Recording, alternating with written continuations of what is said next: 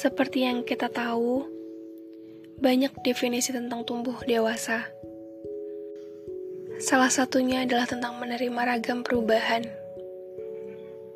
bukan menyangkal. Setiap orang pasti gak siap sama yang namanya perubahan. Apalagi orang terdekat yang berubah.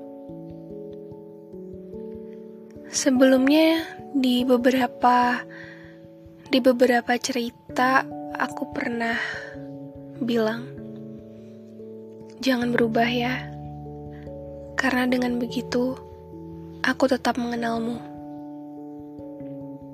Dulu mungkin aku gak suka atau gak terima kalau ada orang yang aku tahu atau orang yang sangat dekat sama aku itu tiba-tiba berubah.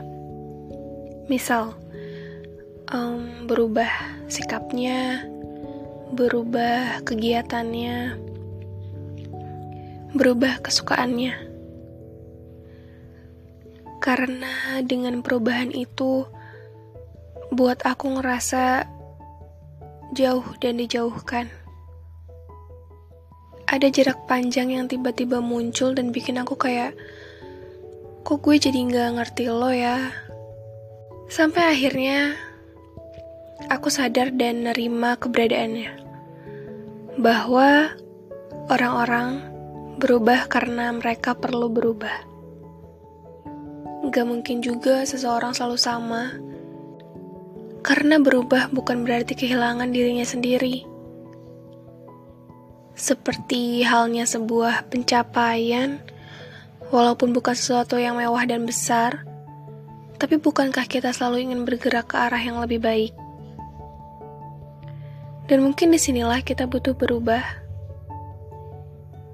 Ketika kita punya opini berbeda dengan diri kita sebelumnya, gak apa-apa untuk gak setuju sama diri kamu sendiri. Gak apa-apa untuk ngerasa kamu bukan kamu setahun lalu. Misalnya, dulu kamu ngerasa satu adalah satu, tapi sekarang kamu ngerasa satu adalah dua. Karena semakin dewasa, sudut pandang semakin meluas.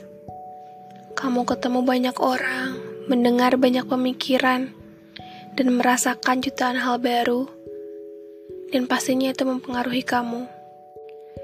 Itulah alasannya kita berubah karena kita bertumbuh. Jadi, nggak perlu merasa kamu mengkhianati diri kamu sendiri karena kamu menyukai hal yang tadinya mungkin kamu benci, atau membenci hal yang sebelumnya kamu sukai. Masih ada banyak hal yang kita nggak tahu Begitu juga proses menerima ego kita sendiri. Ego kita sebagai individu. Aku menerima sosok perempuan di kepalaku yang punya ragam perasaan, termasuk perasaan negatif. Ada saatnya kita atau aku ingin bilang kalau aku itu kenapa-kenapa aku nggak mau bilang nggak apa-apa hari ini. Karena memang kita nggak selalu bisa nggak apa-apa. Ada kalanya kita nggak setuju, kita punya opini sendiri akan sesuatu, kita merasa lelah, gak mau ketemu orang, gak mau ngobrol. Dan aku mengizinkan diriku untuk menjadi tokoh antagonis itu.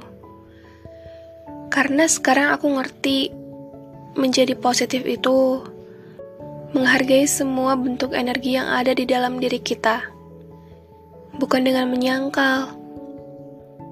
Karena perasaan yang valid bukan cuma bahagia, tapi juga marah, kecewa, benci, yang akhirnya membentuk aku ke bentuk yang lain, tapi tetap aku. It's still me.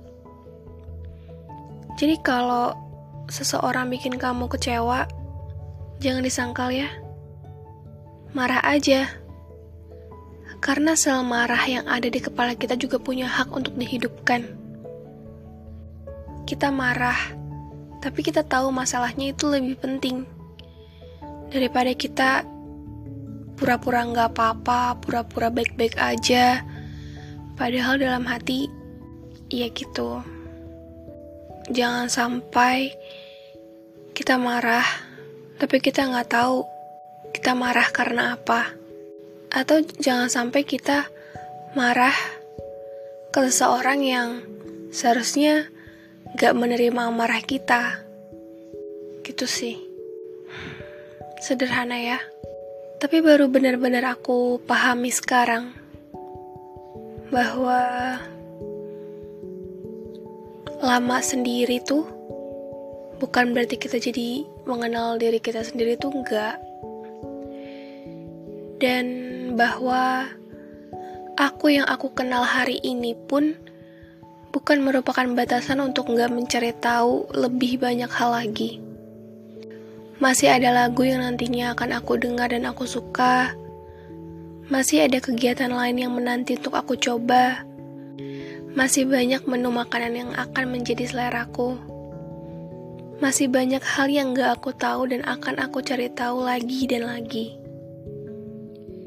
Kita berjalan, dan itu penting.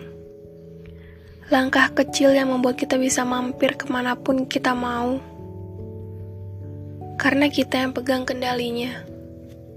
Jadi, selamat menyerap dan melepaskan banyak energi. Selamat bertumbuh.